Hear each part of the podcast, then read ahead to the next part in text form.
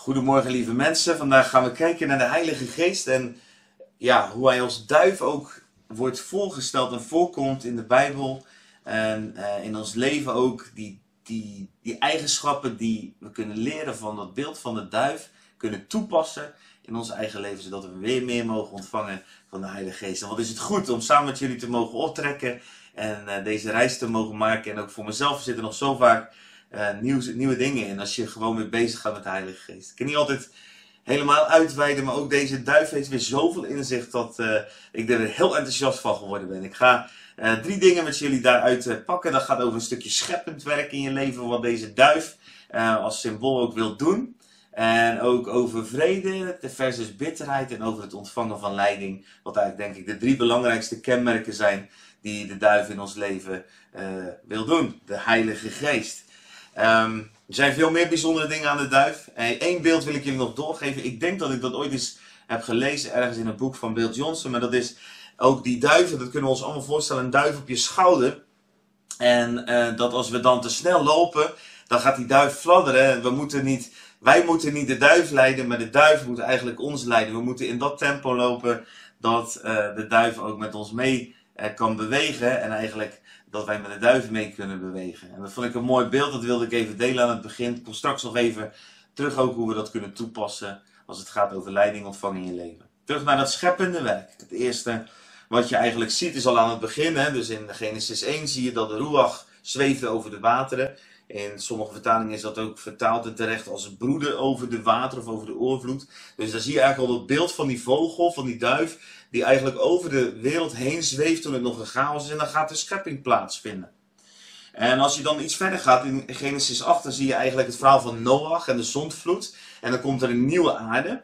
er is eigenlijk een nieuwe, nieuwe wereld. Het is wel dezelfde aarde, maar is volledig vernieuwd. Je ziet dat ook terug bijvoorbeeld aan het teken van de regenboog, wat voor Noach uh, gesteld wordt. Dat ik ook, er was toen pas regen. Daarvoor staat er in het woord dat er alleen dauw was die de aarde bevochtigde en vruchtbaar maakte. Dus de hele milieu, de hele klimaat, alles was veranderd na de zondvloed. Dus eigenlijk een tweede schepping, een tweede kans voor de wereld. En daar is weer drie keer die duif. Kan je teruglezen in Genesis 8. En die duif die gaat weer op zoek naar een plek om te scheppen. Een plek waar Noach ook weer de aarde kan gaan bewonen, bewerken, bewaken en beheren. En dan heb je eigenlijk een soort derde schepping. En er is nog een vierde schepping, maar die derde schepping is weer, en het is opmerkelijk, hè, de eerste schepping, dan ontstaat de aarde, of de aarde wordt vormgegeven eigenlijk, want de aarde is al woest en leeg, maar eh, de Ruach gaat eh, vorm aangeven samen met de sprekende Jezus, het woord en de Vader.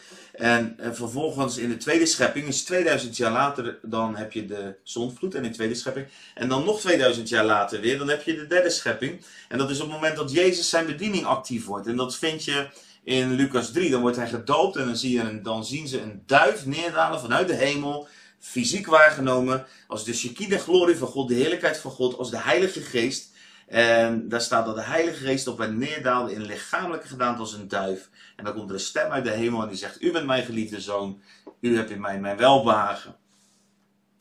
En dat vind je overigens in Lucas 3, vers 21. Dus dat is dan 2000 jaar nadat Noach uh, die duif uit de ark laat, is die duif daar weer. En uh, dat geeft een verwachting voor deze tijd. We leven weer 2000 jaar na deze tijd. En we leven in het zevende millennium van deze aarde zoals die nu bestaat, zoals God hem uh, nu heeft ingericht. En dat geeft ook verwachting voor deze tijd. Bij mij in ieder geval kriebelt het. En, en verwachting voor wat gaat er gebeuren? Waar, hoe gaat de duif in deze tijd werken? Welke revival of herleving gaat er plaatsvinden? Mogen we alert op zijn, mogen we ook voorbidden dat dat spoedig zal gebeuren. Um, er is nog een vierde schepping, zou je kunnen zeggen. En dat is op het moment dat mensen tot geloof komen. Er is ook die duif, de Heilige Geest, bij betrokken. Dat kan je lezen in Johannes 3 waar staat dat als iemand niet uit water of geest wordt geboren, hij het koninkrijk van God niet binnen kan gaan. Wij worden opnieuw geboren, want wat uit vlees geboren is, is vlees, wat uit geest geboren is, is geest. Johannes 3, vers 5 en 6.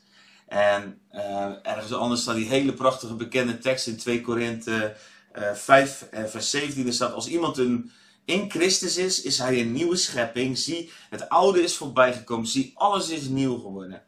Die die nieuwe schepping die we zijn, is daar wederom is die Heilige Geest daar zo bij betrokken. Dus als we in ons leven nog wel eens blijven hangen in het oude, mogen we ook die Heilige Geest, die duif daarbij betrekken. Heer, maak alle dingen nieuw. Laat die nieuwe schepping in mijn leven volledig openbaar komen. Laat mij daar volledig in leven, in dat wat u eigenlijk heeft gemaakt voor mij. Want ik ben een nieuwe schepping. Het oude is voorbij. Help mij, Heilige Geest. Er is ook een ongelooflijk navigatievermogen in een duif. En uh, dat is de postduif. Daar hoef ik geen hele verhaal over te stellen. Ik denk dat iedereen wel de clubs kent die daar ook nog steeds hele sporten van maken. Maar door de eeuwen heen is de duif altijd gebruikt, al vanaf de oude Egyptenaren af. En daarvoor weten we, weten we het niet, maar misschien ook wel. Um, voor, communic voor, communicatie over grotere afstand. Feilloos vliegt een duif altijd terug naar de plek waar hij vandaan komt. En um, dat ziet ook op het werk van de Heilige Geest, van die duif die ons leidt. Die duif op onze schouder die zorgt dat we de juiste navigatie, de juiste keuzes maken. En daarom mogen we die duif er ook bij roepen als we keuzes moeten maken. Als we niet weten wat onze bestemming is, als we daarover twijfelen of naar zoeken, dan is het de Heilige Geest die richting kan geven. In Galaten 5 vers 25 staat er ook een prachtige tekst over. Galaten 5 gaat over de vrucht van de geest. En als je, uh, als je daarnaar kijkt, dan staat daar gelijk uh, achteraan. Galaten 5 vers 25 staat dan direct. Um, um, als wij door de geest leven, laten wij dan ook door de geest wandelen. Galaten 5 vers 25. En de nieuwe Bijbelvertaling vertaalt er heel mooi, want die zegt: laten wij dan ook door de geest het spoor houden, het juiste pad bewandelen. Dus het gaat niet alleen over dat we met hem wandelen, maar ook het juiste spoor. Die geest die wil ons daarin leiden met die navigatievermogen waar, wat ook zo duidelijk wordt in een duif. Kijk, er is niets krachtiger om jou te leiden dan de Heilige Geest.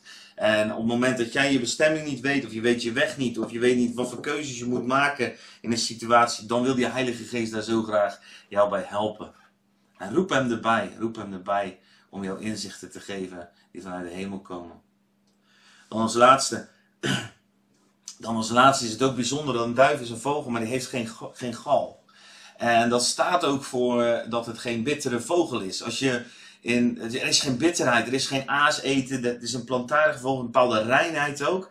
Maar ook een bepaalde, um, uh, zegt ook iets over een bepaalde manier waarin uh, er geen bitterheid is in een duif. Want als je bijvoorbeeld leest in Matthäus 10 vers um, 16, 10 vers 16, daar staat, zie, ik zend u als schapen te midden van wolven. Wees bedachtzaam als slangen en wees oprecht als de duiven. Dat zegt Jezus als hij zijn discipelen uitzendt. Heftige tekst overigens, maar goed.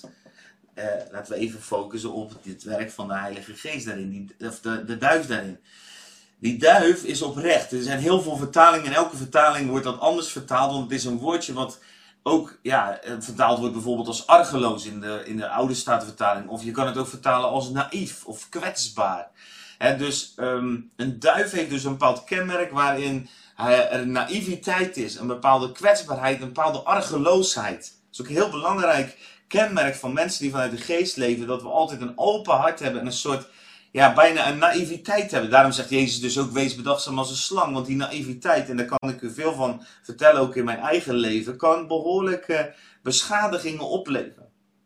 Um, en toch vraagt God het om die duif uit te nodigen in ons leven en die duif, elke bitterheid, daar ook uh, afstand van te nemen in ons leven. Zodat we een bepaalde naïviteit en argeloosheid met ons meedragen.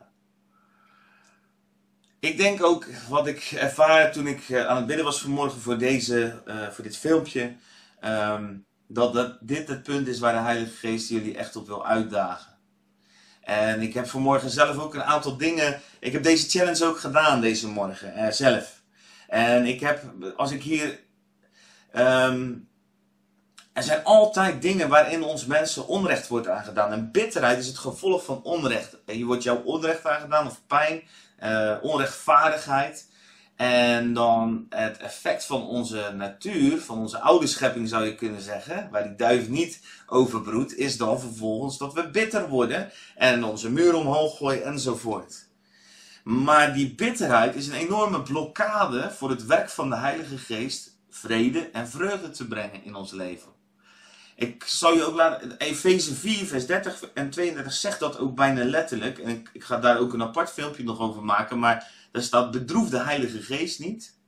Van, door wie u verzegeld bent tot op de dag van verlossing. laat alle bitterheid enzovoort, enzovoort worden weggenomen. Ja, Efeze 4, vers 30 en 32. Daar staat echt die bitterheid gelijk gekoppeld aan het bedroeven van de Heilige Geest. De Heilige Geest is een duif zonder gal. Die kan niet werken in een omgeving waarin allerlei aas en narigheid en bitterheid plaats heeft gevonden. God kan daar gewoon niet zijn plaats vinden. Die duif kan niet gaan rusten, die kan die schepping niet gaan voorbereiden op een, die nieuwe schepping kan niet tot leven komen en tot zichtbaarheid komen als die duif geen plek vindt om te rusten, omdat wij allerlei wortels hebben van bitterheid waar hij eigenlijk geen, ehm, ja, wat, wat, wat gewoon niet zijn eigenschap is. En ik geloof echt dat God ons uitdaagt en jou ook uitdaagt, zoals hij mij vanmorgen uitdaagde, om opnieuw bitterheid af te leggen.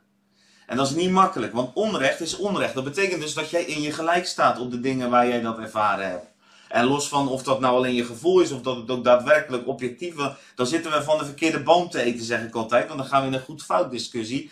Maar onrecht is voor jou onrecht op het moment dat jij het zo ervaren hebt, is dat ook gewoon zo. Dat, dat, dat alleen het punt is dat Jezus zegt: Ik wil jouw onrecht dragen aan het kruis. Dat heb ik al gedaan. En ik wil dat jij je onrecht aan mij geeft, zodat ik jou vrede en vreugde kan geven. En dat is echt moeilijk. Want er zijn in het leven zoveel situaties waarin ons terecht, of nou ja, niet terecht, maar waarin ons uh, letterlijk echt onrecht aangedaan wordt. Dingen die pijn doen, waar mensen gewoon niet eerlijk met je omgaan. En bitterheid is dan het antwoord van onze oude natuur. Maar heelheid en vrede en vreugde is onze nieuwe schepping die de Heilige Geest, die die duif in je leven wil brengen. Daarom wil ik je vandaag uitdagen om een moment te pakken en gewoon een papiertje zoals ik vanmorgen ook gedaan heb. En op dat papiertje schrijf je namen van mensen waar je gewoon nog bitterheid tegen hebt, omdat ze je pijn gedaan hebben, omdat ze gemeen zijn geweest. En dat kan iets uit je verleden zijn, maar het kan ook iets zijn wat gisteren gebeurd is. En laat die bitterheid geen wortel schieten. Hebreeën 12 spreekt er ook over hoe bitterheid in ons leven verhindert dat genade daadwerkelijk in ons leven een functie krijgt. En dat we zelf daar ook uit leven en zelf ook kunnen ontvangen. Het blokkeert echt vreugde, vrede en genade in ons leven. Dan mag je die namen opschrijven. Schrijf gewoon simpelweg die namen op of situaties waar meerdere mensen bij betrokken zijn. En dan mogen je die namen bij God brengen. En dan ga ik zoveel bidden. Dan mag je dat in je eigen woorden kan je daar gewoon een gebed over bidden op het moment dat je dat gedaan hebt. En dan mag je die bitterheid wegdoen. En um, mijn zoon hield eens eens een, eh, een, een presentatie over een, eh, een, plantje uit Japan. Ik ben even de naam nu kwijt, maar dat is een plantje wat zo uh, verspreidt dat eigenlijk de enige, dus zo diepe wortels en dat de enige manier is die, om dat plantje eruit te krijgen. het is iets Japans en misschien zegt dat sommige plantaardige mensen nu wat, maar ik weet het even niet meer.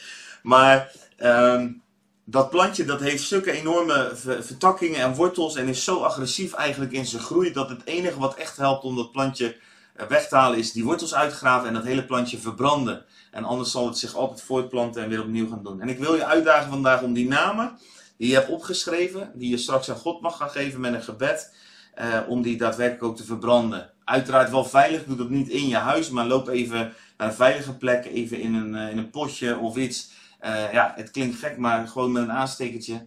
Als je dat allemaal niet hebt, dan mag je het gewoon verscheuren van mij en dan ja, doe er wat mee. Zodat het echt weg is. Zodat het gewoon daadwerkelijk een symbolische daad is van Heer, ik doe die bitterheid die ik weg, laat ik los. En weet je wat Jezus zegt? Als je loslaat, zal je losgelaten worden. Je zet jezelf in de vrijheid. Ik heb hier een foto op dat beeldscherm gezet van een duif. En dan zie je die grijze gebouwen ermee, een soort gevangenis. Het is een gevangenis. En, en binnen die grijsheid en die gevangenis ligt de zon die duif op. En die duif is vrij. Die duif is, is vrij. En jij bent ook vrij. Zelfs al zit je om je heen nog allerlei um, belemmeringen. Of misschien is het wel je eigen bitterheid die de gevangenis veroorzaakt. Ik weet dat dit moeilijk is. Ik weet dat het moeilijk is om afstand te doen van dingen die eigenlijk terecht zijn in jouw ogen. Maar dit is wel wat Gods geest wil. Toen wij aten van de boom van kennis van goed en kwaad, toen ging het goed fout. En God wil die dingen herstellen, zodat we in die nieuwe schepping kunnen komen. En die duif, de Heilige Geest, is degene die jou vandaag daarin eigenlijk wil meenemen, wil uitdagen. Vader, dank u wel dat u een goede God bent. Vader, en dank u wel dat u uw Heilige Geest gegeven hebt. Dat die woorden die ook op ons leven mogen neerdalen. Als wij in Christus een nieuwe schepping zijn, mogen we weten dat de woorden die u spreekt tegen uw zoon, dat u een welbehagen vindt in hem, dat u ook een welbehagen vindt in ons. En vader, daar willen we mee beginnen als we voor een moeilijke taak staan om mensen te vergeven. Als we mensen hun namen straks op gaan schrijven. En als we dan gaan zeggen, Heer, ik vergeef deze namen. En, en zeg dat ook hardop. Even tussendoor, zeg dat hardop. Heer, ik vergeef de namen, ik vergeef de situaties die hier voor me liggen. Ik vergeef ze en ik laat ze los. Ik laat ze los in uw hand, want u bent, de, u bent de rechter. U bent degene die als enige kan beoordelen en mag oordelen. Maar ik laat het oordeel aan u. En aan Jezus, die op het kruis hing, daar heeft hij mijn oordeel gedeeld. En alle onrecht wat ik mensen aangedaan heb. Maar heeft hij ook het onrecht wat mij aangedaan is gedragen. En ik laat los, zodat ik losgelaten kan worden. Lieve mensen, ik zegen je daarin. Want het is een moeilijke stap, maar het is een stap die jou in de vrijheid brengt. Zoals die duif daar vrij is, ondanks dat er om hem heen nog van alles is wat hem, wat gevangenis lijkt. Hij is vrij. Ik zegen jullie. En ehm, als je vragen hebt of gebed wil, of het heel moeilijk vindt misschien ook om deze opdracht te doen. Normaal als wij, als we soms voor mensen bidden, dan zeg je steek even je hand omhoog als je dit moeilijk vindt. Want dit is echt heel moeilijk. We willen ook gewoon met jou in een privé sessie uh, via Zoom of iets, uh, hoe heet het, FaceTime, een telefoon. Willen we je doorheen helpen als dit moeilijk voor je is? Laat het dan gewoon even weten. Je kan dat nummer appen als je in de appgroep zit of je stuurt even een privéberichtje via Facebook of info apenstaartje iamloved.nl en um, be blessed. Haal die bitterheid uit je leven weg. Haal de duiven bij voor leiding en bestemming. En laat die nieuwe schepping werkelijkheid worden. Zodat je volledig tot bloei en groei kan komen. Heel veel zegen.